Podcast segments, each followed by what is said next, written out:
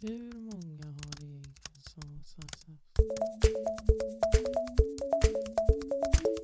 Hej och välkomna ska ni vara till ett eh, nytt avsnitt av eh, Statistikmyndigheten SCBs podd På tal om siffror. Mitt namn är Nissar Shakur och idag när vi spelar in det här avsnittet så är det svinkallt ute. Oh, ja. Och vi har två gäster. En gäst är påklädd med mössa och med jacka. Allt Välkommen, jag Micke. hittade som jag för en liten sekund tänkte tanken att det kanske går att stuva undan snart. Men inte han under den en vecka långa våren vi välsignades med i år har jag på mig nu. Tre lager, men bara en mössa dessvärre. Välkommen Micke Dahlén.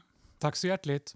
Och eh, så har vi från SCB, Thomas eh, Helgesson. Jag är också påklädd, men inte lika påklädd. Det, det är sånt som hädanefter alltid måste brasklappas, annars kommer man undra. Vi har kommit fram till att, eh, eller vi vet ju att eh, Micke, du är ju från eh, Handels och eh, Thomas är ju från Göteborgs Handels. Tack för att du Eh. gjorde den diskussionen. Men vi ska ju faktiskt inte prata om uh, varken Göteborgs Handels eller Handels idag, utan vi ska prata om levnadsförhållanden uh, och om, uh, lite om SCBs undersökning som heter Undersökningarna av levnadsförhållanden, ULFen. Och ja, Thomas, Ja, undersökning av levnadsförhållanden är en eh, gammal statistisk undersökning som gjorts i eh, snart 50 år faktiskt. Eh, Det började redan på 60-talet som när man eh, ville ta fram alternativa mått på välfärd, alternativ till BNP. Det är en sån diskussion som, som håller på nu också. Va? Men, Mm, men på oh ja. 60-talet var det samma tankar att oj, BNP räcker inte för att mäta välstånd eller välfärd. Då, Eh, ja, så då tog man fram eh, tillsammans med ett eh, forskare så här, någon slags social rapportering. Och 1968 gjordes den första så här, undersökningen som kallas för levnadsnivåundersökningen, LNU. Den görs faktiskt fortfarande av Institutet för social forskning, SOFI, på Stockholms universitet. Och ULF är en, vad kan man säga, SCBs Jo, efter att man har gjort LNU några gånger så fick SCB i uppdrag att göra en eh, motsvarande undersökning årligen. Och den har gjorts varje år sedan 1974, ja, 75 beroende på vem man frågar och vilket datasätt man tittar på. Men vi ska inte prata om allting från 1974 utan vi ska prata om en specifik del som eh, sträcker sig mellan 1980 och fram till för några år sedan, 2016 någonting. Och, eh, om vi börjar där kring 1980, då gick jag i ettan, eller jag började ettan 1980. Eh, och kan inte, för jag tänkte vi kunde kanske ta en eh, tillbakablick. Kommer ni ihåg någonting från 1980-talets början? Någonting som inte är, sker idag eller som är helt annorlunda mot vad det är idag? Är det någon som Nej, jag var inte född då. Känns det som. Jag var född då, men jag har svårt att förlika mig. När jag fick den här rapporten att tjuvkika på, vilket var fantastiskt härligt. Lite som att pilla under snöret och tjuvtitta in under fliken på julklapparna under granen. Så känner jag.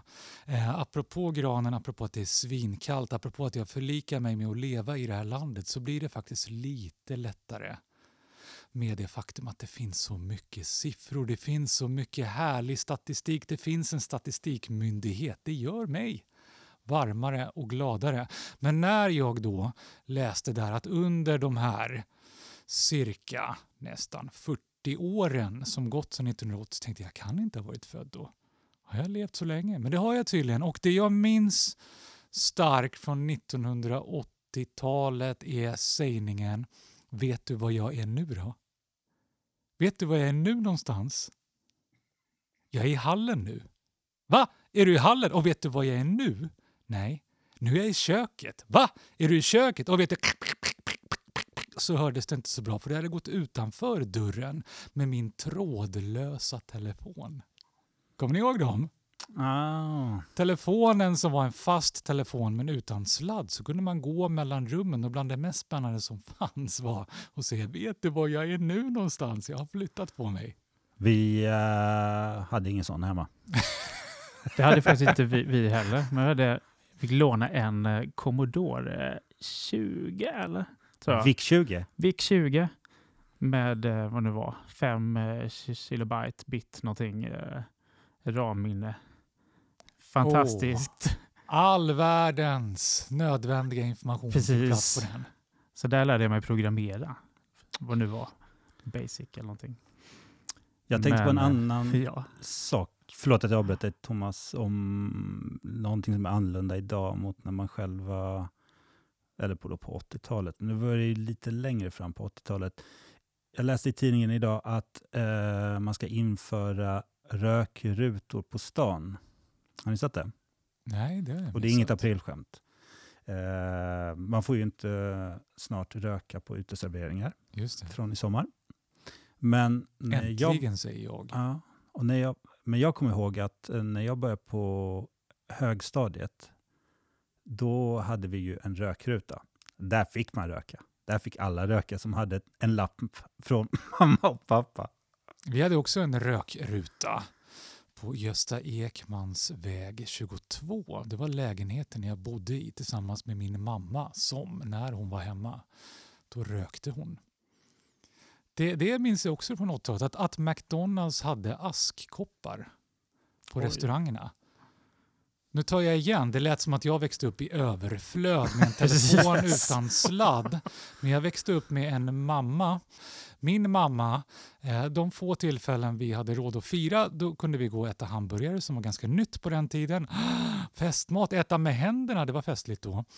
Eh, som alltid tog med sig hem en askkopp. Så jag tror vi i vår lilla lägenhet hade 20 askkoppar från McDonalds och säkert minst 300 förpackningar ketchup och senap. Som hon aldrig åt men tänkte vi måste passa på att ha sånt varje gång. De där senapsförpackningarna finns ju nästan inte längre. Eller jag har inte sett dem. Ketchup finns ju. Det är bara att säga till om du behöver något. Jag tror de finns kvar i ett källarförråd i en söderförort utanför Stockholm. Ja, vi ska ha kalas med hamburgare snart, men ketchup eller senap är förbjudet för det är något barn som är senapsallergiker. Men, men jag tänkte nog om eh, senap om min mamma. och, och kalas. Nej, nej, du får berätta hur mycket du vill. Eh, I Ulfen så eh, har vi ju inte några frågor om eh, senap och ketchupförpackningar som man kan ta med sig hem från hamburgerrestaurangen och inte heller eh, små askfat. De är strukna nu senaste De är strukna. Mm. tillsammans med ett gäng andra frågor. Det är ju så här att från, så här, ta, en av eh, ta, det, grunderna till undersökningen är att man, att man försöker titta på människors eh, resurser. Eh, det kan gälla hälsa, inkomst, hur man bor och så vidare. Mm. Eh, och även försöka mäta utfall. Eh, hälsa kan vara både en resurs och ett utfall. Försöker man titta på nivåer i befolkningen på, eh, och se om, om eh, situationen blir bättre eller sämre i, i landet. Eh, i, bör, I början så såg man eh, böcker som en resurs. Det, det gör jag fortfarande. Då. Men då, då fanns det en fråga där man eh, frågade hur många hyllmeter böcker man hade hemma. Det såg som en, en eh, ja, kunskapsresurs.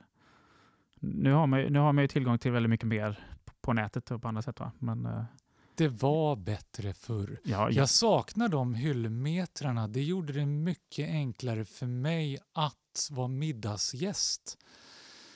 Folk tror inte det om mig som föreläser och om mycket sånt. Men det är en sak när jag styr samtalet fritt så det är inte ens ett samtal. Jag bara står och orerar om siffror och sånt där som jag tycker är kul. Men när jag ska prata med, med riktiga vanliga människor så vet jag ibland inte vad jag ska prata om. Och det var så lyxigt med dessa hyllmetrar med böcker som man direkt kunde söka sin tillflykt till och starta konversationer utifrån.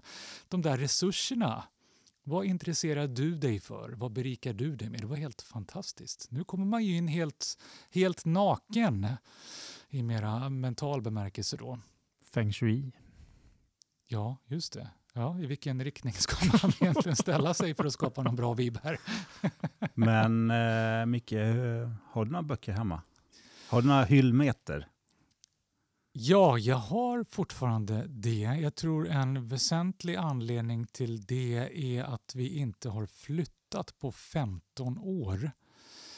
Vi eh, flyttade in i vårt boende för 15 år sedan och har med det också ett kök som är 15 år gammalt. Först slutade eh, diskmaskinen fungera, sen mikrovågsugnen, sen ugnen och det fick oss att äntligen nu få tummen ur och eh, omdana köket. Och då blev det en väldig massa slängt, inklusive, och jag skojar inte, en jäkla massa ketchupförpackningar.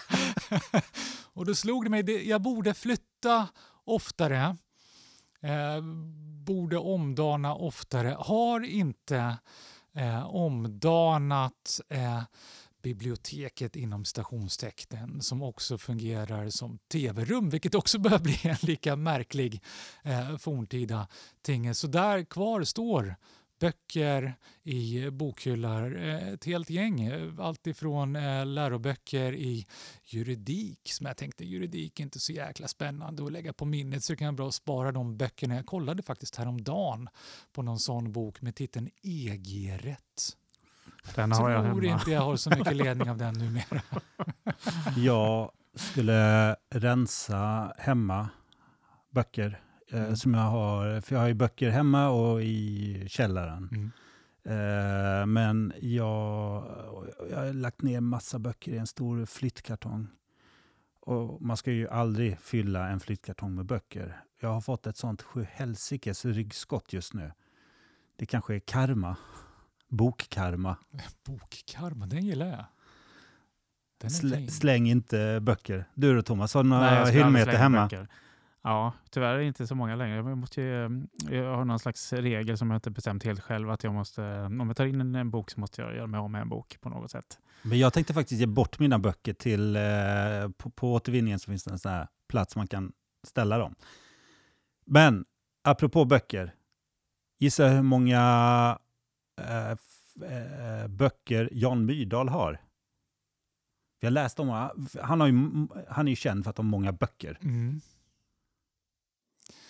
Då ska vi se. Jag tänker, jag vet inte om ni har sett, men jag hade ju ett beryktat kontor på Handelshögskolan i Stockholm. Eh, och där var det någon som räknade ut hur många böcker, det var väldigt många, väldigt bildmässigt. Och jag tror de räknade till 3000, så det utgår jag ifrån när jag gör min uppskattning av Jan Myrdal som levt ett längre liv än jag med enorma mentala resurser. Jag säger 11 000. Ja, 50 000. Oj. Oh. Det är många böcker. Jag känner hur jag krympte ett par centimeter. Mm, samma här. Han måste haft ett väldigt mycket större kontor än jag, det är jag är säker på i alla fall. Ja, men det är en fråga som har försvunnit. Det är mycket annat. Så här, för, förr i tiden, så, eller för 50 år sedan, eh, så tog intervjun i Ulf en timma. Då gjorde man besöksintervjuer. Man Just åkte hem till eh, varje person och pratade med den personen. Det kunde ta längre tid än en timme också. Va? Då, eh, då blir man ju inte lika lätt uttråkad som intervjuperson. Om man sitter och pratar med någon. Så här? Mm. Det var Eh, årets höjdpunkt. Ja, kanske. När kommer de? Ja, nu kommer de äntligen! Fråga mig mer, fråga mig Precis. mer. Mm. Sen gick jag över till eh, telefonintervjuer. Då, då kan man inte göra lika långa intervjuer. Nu för tiden det. är intervjun mellan 20-30 minuter och det är också långt om man sitter i telefon. Eh, så ett antal frågor har ju eh, här, fått stryka på foten sen dess. Mm. Men eh, här, av olika skäl, och utrymmesskäl men också av eh, så här, ja, men samhället förändras ju. uttråkningsskäl. Ja, Men Ulfen är ju som en... Eh, speglar ju samhället. mm, absolut. Men få höra, vad var mer i struket? Jag blir jättenyfiken. Ja, men vi frågar ju inte längre om man läser eh, en dagstidning till exempel. Eh, vi frågar inte heller, eh, det fanns lite så här specialare. På 90-talet har jag sett att man frågade om vilken typ av smörgåsfett man använde. Så Bregott eller eh, lätta och så vidare. Och det hade till och med, man, man försökte titta på hälsoeffekter. Det var en sån här forskare från eh, Lund kanske. Som, eh, ja. Eh, annars är det ju mer så Men här... Då vill jag ju veta, vad sa mitt smörgåsfett om mig? Vilket Jag- smörgåsfett skulle jag ha ätit på 80-talet? Jag, försöker, jag har googlat på det där men jag har inte hittat. Det är så, här, så gammalt va? Så eh, jag har letat förgäves efter forskningsresultat. Men, men andra, andra frågor är så här, eh, ja, men som visar mer materiell standard. eh, Att vi frågade om eh, man hade tvättmaskin, diskmaskin, Antal tv-apparater. färg-tv. Ja, färg-tv. Eh, ja, färg-tv tror jag. det, ska jag ja, bikta mig nu och erkänna. Telefon. Jag brukade säga när folk kom hem till oss, det var nog i den vevan ungefär, 80-talet, så, så fick jag en liten tv att ha på mitt rum, vilket var jättestort. Wow. Eh, symboliskt, men jag tror att den bara var typ 14 tum, så den var inte så stor eh, de facto. Och den var, det var svartvit bild. Och då var folk inte så imponerade längre när jag satte på den. Och då brukade jag säga, ja men färg-tvn står på vinden just nu. jag minns det, det var, ja, färg-tv var status. Har du inte färg-tv? Ja, jag kommer ihåg är när vi fick färg-tv, men det var innan 1980. Men eh, inte så långt innan. Fakta. Feeling. Nu för tiden hänger de allra flesta barnen i mellan och högstadieåldern på internet och inte framför tvn på helgerna. Fakta eller feeling? Fakta. Det är fakta. Enligt undersökningen om barns levnadsförhållanden är 44 procent av barnen i mellan och högstadieåldern ute på internet minst sju timmar per helg. Endast 6 procent tittar på tv eller film lika länge. Ja, var detta överraskande? Att man kollar mer på, eller man hänger mer på internet än att man eh, sitter framför dumburken som är en färg-tv. Nej, jag har ju haft sådana där barn i mellan och högstadieåldern och blivit, eh, blivit högst luttrad. Inte ett dugg överraskad över att eh, internet är väldigt genomgående i tillvaron. Och du då Thomas, vi har ju barn som är lite yngre än mellan och högstadieåldern. Ja, jag, jag tänker lite så här, nu, våra barn är precis eh, är ju för små för att svara på de här frågorna. Va? Men jag vet inte om, om mina barn skulle veta att de liksom är ute på internet direkt. Va? Utan de kör ju så här, de använder ju internet med, via här Playstation eh, eller de tittar på YouTube och sånt där. Va? Ja, det är väl lite människor i vår ålder som kanske ens tar eh, ordet internet i sin mun Mm. numera. Stör mig inte, jag är på internet just nu.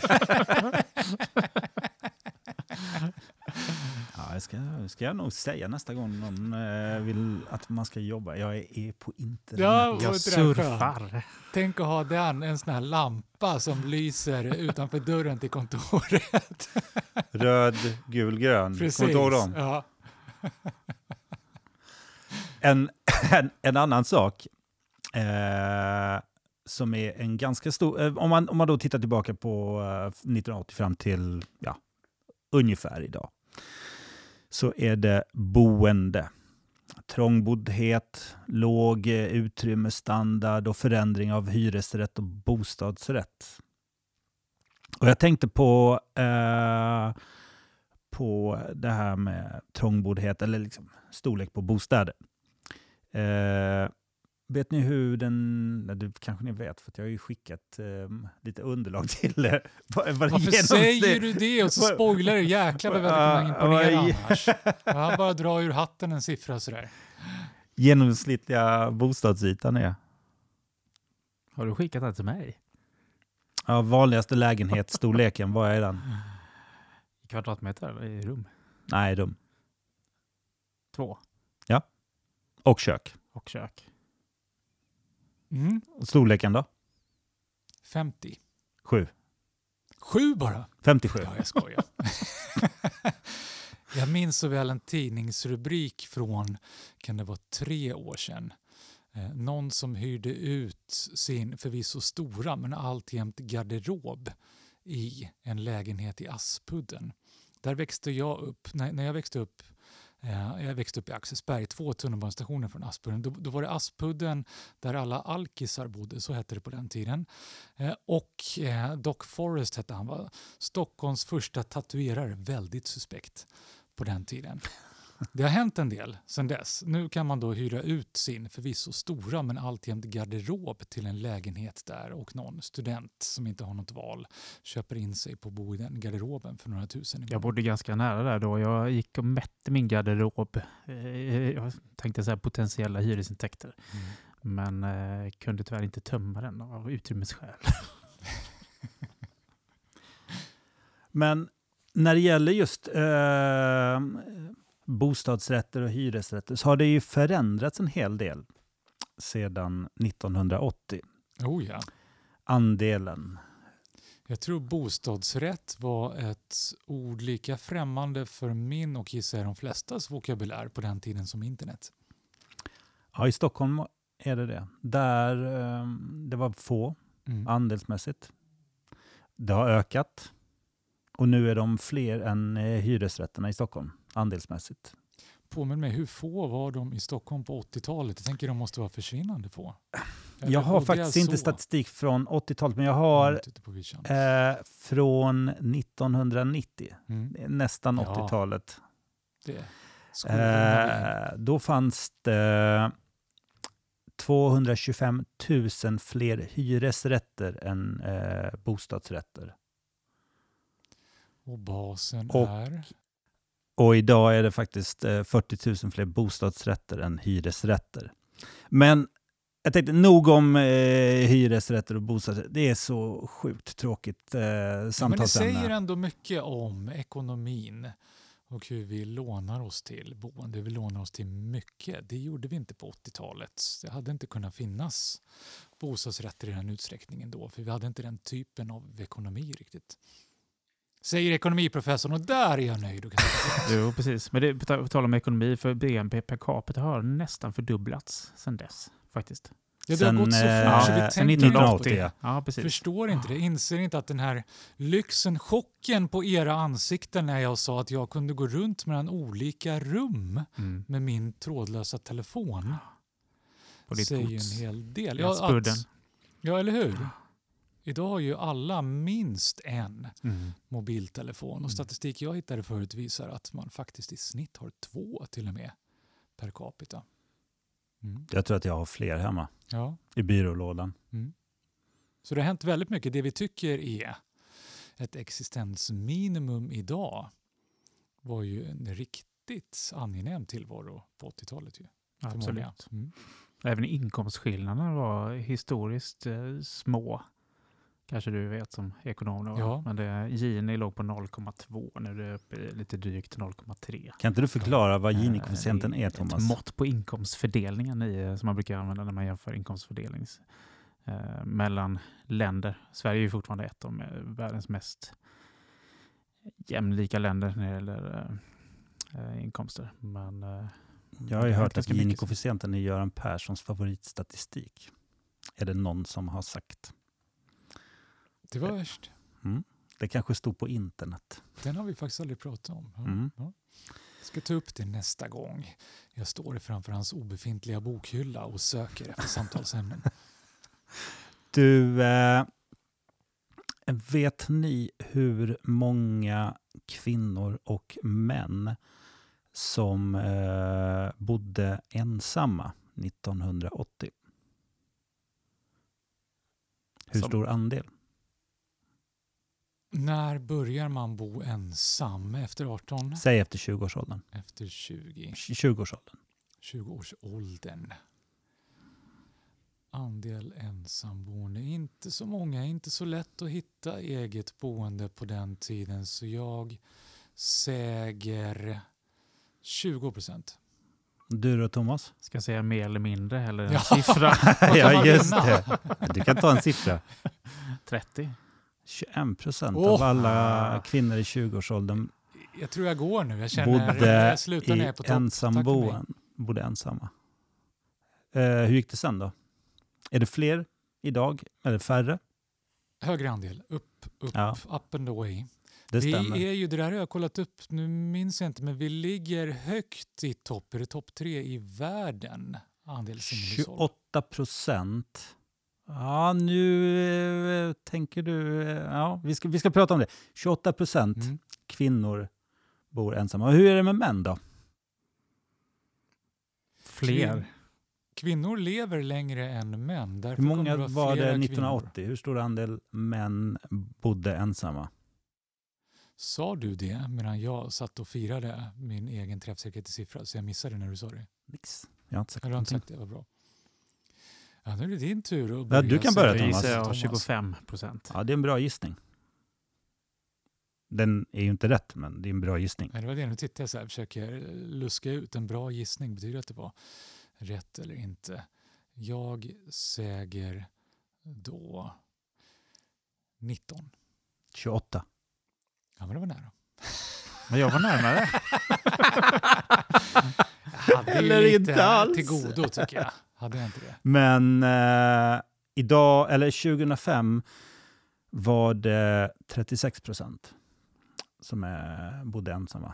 Det har alltså gått upp där också. Då, det här vill jag ju gå till botten med. Varför- Kvinnor lever längre och Ja. blir rimligen då, givet att de eh, ingått eh, heterosexuella relationer, så blir de änkor eh, och bor själva. Eh, Så för att balansera det och till och med överbalansera så att det är flera män som lever själva. Det här var i 20-årsåldern. Fast att, uh, båda är i 20-årsåldern. Det var 1980. tju- Ja, där fuckade jag upp allt på Ja. ren svenska. Det gör inget. Det var därför jag räknade. Ja, men då mår jag inte så dåligt över, för jag, jag Ja. lyssnade inte ordentligt på frågan. Det är ganska fara. typiskt mig. Jag ber om ursäkt för det. Men vet du vad? Jag... då ser jag, då Ja. ser jag därför att kvinnor bor hemma själva längre. Män flyttar ut tidigare. De blir utsparkade. Ja. Det kan vara så. Ja, då har vi bestämt det. Det är från och med nu ett faktum. Jag, Det här ställer sig Statistikmyndigheten eh, bakom, förutsätter jag. jag tänkte på en annan sak. För att jag började kolla på genomsnittsåldern för det första giftermålet.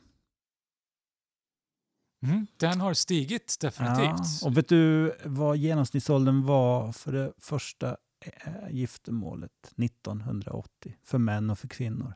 23. 26 för kvinnor och 29 för män i genomsnitt. Oj, var det så högt redan då? Ja. Jag trodde det inte. Så jag tänkte då kanske de bodde hemma och sen så ja, flyttade de, eller bodde hemma, bodde själva menar jag. Ja, ja det, jag älskar den sägningen. Bor du hemma? Nej, inte längre. Jag bor hos min fru, jag bor hos min man, jag bor hos min partner nu. Ja, precis. 2005 Mm. eh, så var genomsnittsåldern 32 för kvinnor och 35 för män för det första giftermålet. Mm. Det ante mig att det skulle det ligga över också, ja. 30, definitivt. Och plus att de... Ja, nej, jag vet inte om det har något samband. Men jag trodde inte att Kanske. den var så hög redan på 80-talet. Men det kanske säger mer om mina föräldrar än om Sverige. När flyttar du eh, hemifrån då? Hur gammal Thomas. var? 20, 21, 20 kanske. Ja. Länge sedan nu. jag tror jag var äldre faktiskt. Men inte så mycket äldre. Du då? Det blev eh, lite oklart. Jag bodde nämligen, min mamma och jag, i en hyreslägenhet. Våningen ovanför portvakten i det här hyreshuset vars son tog gitarrlektioner för mig. Och när en eh, etta, en enrummare, blev ledig dörren bredvid portvakten och portvakten såg det som sin löneförmån att kunna få välja sin granne och veta att i en enrummare så blir det någon stökig jäkla ungdom så tyckte han att det kändes tryggt med mig som han hade koll på. Så därför fick jag den innan jag ens... Jag gick på gymnasiet fortfarande så jag flyttade en trappa ner från min mamma och här, it all comes together, kunde använda samma trådlösa telefon på samma abonnemang. Smart. Ja. Smart. Du, en annan, en annan sak som har eh, gått upp sedan 80-talet är ju vikten. Är det någonting ni har märkt? Ja, så den- tittar Kanske du, inte du på dig. Du på min midja. Jag tittar på dig som är smalast av oss tre. Nu tittar vi på varandras midjor. Två, två av tre har eh, vikten gått upp på. Eh, jag, Riksrepresentativt minsann. ja, vad tror ni? Har det gått upp? Ja, det har det ju. Ja, förmodligen. Idag är det inte fest att gå och äta hamburgare längre. Idag är det vardag. Eller eh, pizza eller mycket av vad det än är. Får du i dig tillräckligt många morötter så kan det säkert sätta på, sig på midjan så småningom det också. Mm. Det har ökat väldigt mycket. Livsmedelskonsumtionen har ju gått upp väsentligt. Uteätandet har ju ökat eh, raketartat. Jag läste, eller jag, jag, inte läst, jag hörde på ett program på radion att tallrikarna har blivit större. På restaurangen eller hemma? Ja, både och. Ja. Både och. Och Ja. att eh, tallrikens storlek eh, påverkar hur mycket du lägger på den Oh ja, såklart. det finns det gott om forskning om. Att vi, vi fyller den tallrik vi har oavsett hur stor den är och blir ganska nöjda med det. Ja. Jag grävde också i det där eftersom köttkonsumtion, mejerier eh, ju eh, är någonting vi bör tänka på i dessa klimattider. Vi ska helst inte flyga, eh, inte åka med bensin eller någonting sånt och det är toppen. Men det är också toppen eh, i dubbel bemärkelse på isberget för stor del av växthusgaserna kommer ju ifrån eh, kor och så vidare. Ett ton Mm. kommer från kött. Mm. Om du lyssnar på avsnitt sex av vår podd som handlar om miljö så pratar de faktiskt om det. Viveka Palm och Anna-Karin Nyström. Ja, det är därför det ringer en klocka. Just det. Ja. Eh, så vi behöver skära ner på det här. Pratar ni om det också då? Att det faktum att vi, vi äter faktiskt kött lite mindre ofta nu. Vi har ett trendbrott där. Men vi äter, å andra sidan när vi väl äter kött så äter vi väsentligt mycket större portioner än vi gjorde för några decennier sedan. Jag tror det har ökat med uppemot 50 procent i genomsnittliga köttportionen. Det är ju ganska rejält mycket. Mm. Jag gillar ju kött men det är ju inte bra, det är inte bra skull, för eh, miljön. köttfärs och allt vad det är. Men apropå någonting annat. Eh, nu har vi bara pratat om saker som har gått upp hela tiden. Men det finns ju någonting som har gått ner då sedan 1980. Och om vi tittar på politik så har ju medlem. Mm. ja, medlemmar i fackliga organisationer minskat. Det är fortfarande ganska högt, men det har minskat från en väldigt hög nivå. På 84 procent. Jag trodde att Ja, vi jag skulle få, ett, skulle ha få en, få en in gissning så här, Ja. till idag på Idag på 60, någonstans mellan 50-60 så. ja, faktiskt lite högre, 70, Ja, det är 71. så pass Ja. i alla fall. Ändå så pass högt, ja. Precis. Eh, men samtidigt som eh, engagemanget, i, eller ja, medlemskapet i fackliga organ- organisationer har minskat så har, läste jag, fler och fler börjat diskutera politik. Är det någonting som ni har märkt? Ja. Så subjektivt. Men, eh, ja. Det säger väl en del om ens eget umgänge kanske. Ja, förvisso. så det är ju Precis, svårt precis. att, att känna till diskussioner man själv inte är inblandad i, definitivt. Men eh, jag upplevde, det, det är ju härligt med sociala medier att ändå kunna vara med eller lurka som det heter på svengelska i diskussioner bland tusentals människor som man ändå kan tjuvlyssna på en känsla för. Och det tycker jag att det förekommer ju ofta. Idag så är det ju större, eller fler som berättar vilken, vilken åsikt man har. Vilken politisk åsikt man har än på 80-talet. Man är mer öppen med det. Ja, jag kan förstå det. Därför, eh, av flera anledningar. Ett, så, så är det inte lika spännande huruvida du är grosshandlare eller inte längre. Du begravs inte med din yrkestitel på gravstenen som faktiskt var ganska vanligt förr. kan bero på att det skulle bli en väldigt stor gravsten och få plats med alla yrkestitlar eftersom vi byter jobb och karriär som aldrig tidigare. kan också bero på att vi inte definierar oss, det hänger ju samman då, med det på samma sätt. Och då kan vad du står för i, i värderingar blir någonting annat du definierar dig med. Och kanske också att det inte är lika tydligt längre med blockpolitiken och att du föds in i ett parti så det blir någonting som säger mer om dig som person än vad du har ärvt eller att det är så självklart att antingen är du soss eller moderat som det i stort sett var en gång i tiden. Du kan vara så mycket mera. Vem är du? Hur tänker du? Hur tycker du?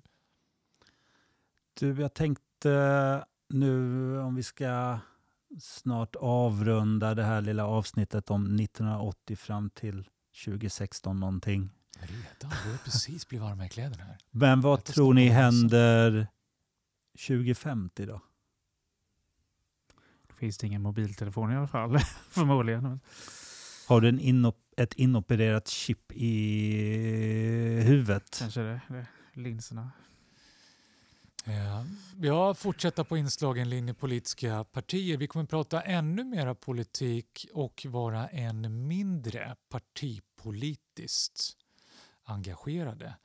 Vid det laget finns det ännu mindre anledning och den anledningen är ganska liten redan nu för partipolitik eftersom det rent ekonomiskt och tekniskt skulle gå att engagera sig mera i realtid i sakfrågor istället för att välja en representant för en mandatperiod. Man kanske inte kommer orka engagera sig eftersom man kommer vara så stor och äta så mycket mat så att man kommer bara sitta och pösa framför och vara ute på internet. Eller det kanske inte är något internet, det kanske är något därför, annat. För att du sitter och pöser och inte kan fördriva tiden med att sparka boll.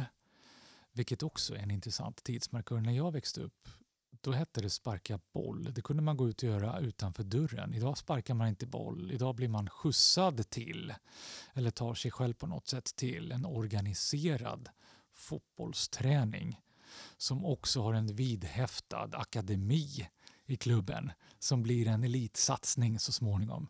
Nu sparkas det inte boll längre. Och det kommer inte sparkas boll eller någonting sånt 2050 om vi nu är så tjocka som du tror. Men då har vi ännu mera tid att fundera och tänka över saker och kanske bli ännu mera politiskt engagerade. Så kan vi hoppa in och ut ur det där. Du måste inte rösta i allting men allt du är engagerad och som är viktigt för dig skulle du kunna hugga in i där och Mm. då.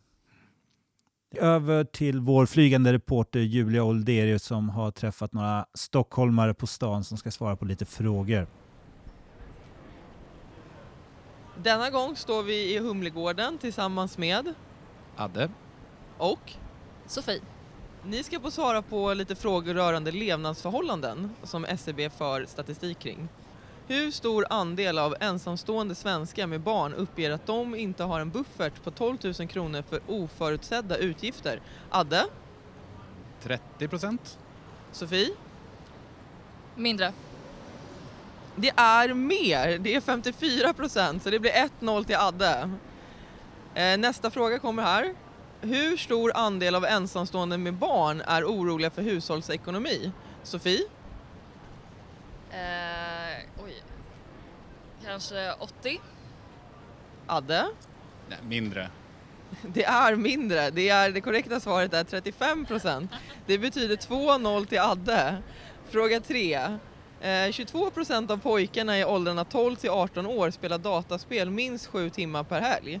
Hur stor andel bland flickor i samma ålder spelar dataspel? Adde? 12 procent. Sofie? Ö, mer. Det är mindre. Det är tyvärr 2 procent bara. Det betyder 3-0 till Adde. Vi kör vidare så får ni svara på de nästa två frågorna också. Så kan du jämna ut här Sofie. Fråga 4. Hur stor andel uppger att de röker dagligen? Sofie? Eh, 40 procent. Adde? Nej, jag tror att det är mindre. Det är mindre. Det är utklassning på G. 11 procent är det rätta svaret. Sista frågan Sofie, nu får du jämna ut ställningen. Hur stor andel av alla svenskar mellan 16 och 84 år har ett BMI över 25, vilket innebär övervikt? Adde? Oj. ehm, 15 procent. Sofie? Mindre. Det är mer. Det korrekta svaret är 48,5 procent. Det var total utklassning. 5-0 till Adde. Grattis! Tack så mycket. Grattis. Vad säger du Micke? Det ante mig att det skulle vara en ganska hög siffra, vilket vi får säga att det är i vårt välfärdssamhälle där vi ändå tycker oss ha det bra ställt. Jag tror en väsentlig anledning till det också är något vi varit inne på tidigare, hur ekonomin ser ut, att vi, vi har lån och så vidare, så vi har förutsättningarna men vi har mycket bundet kapital för det första. För det andra så är det ju en klassisk ekonomisk psykologi som förföljt oss att vi anpassar eh, utgifterna efter eh, inkomst, intäkter. Så ju mer vi tjänar desto snabbare gör vi av med det. Så vi ligger alltid på gränsen alldeles oavsett. Precis, jag, ja, men jag tror också det. Att det, är- det så här, man, man lägger kostnadsnivån på ungefär där man har, så att det matchar intäkterna. Va? Ja. Och sen, eh, Tjänar du för mycket så måste du köpa en sommarstuga. Ja, det blir Ja, absolut det nödvändigt. ju Det, du. blir livets nödtorft helt plötsligt. Mm. Men eh, den här eh, buffertsumman, den eh, skiljer sig från Sverige och andra europeiska länder. Gör den inte det, Thomas? jo, man, man, så här, Jag har ingen man, aning hur mycket, men lite grann. Ja, den är baserad på medianinkomsten i respektive land. Så man tittar på eh, 60% av medianinkomsten som är eh, ett sån här proxy för inkomstfattigdom som man använder i EU. Eh, då blir det, ja, sätter man den, det beloppet. Så det är precis, beloppet är lite olika i olika länder ut- utifrån eh, köpkraft i olika länder. Men hur ligger vi till? Nej, vi, ligger, så här, vi ligger bra till. Om man tänker så här, en femtedel eh, i Sverige som inte har kontantmarginal som den här eh, indikatorn kallas då.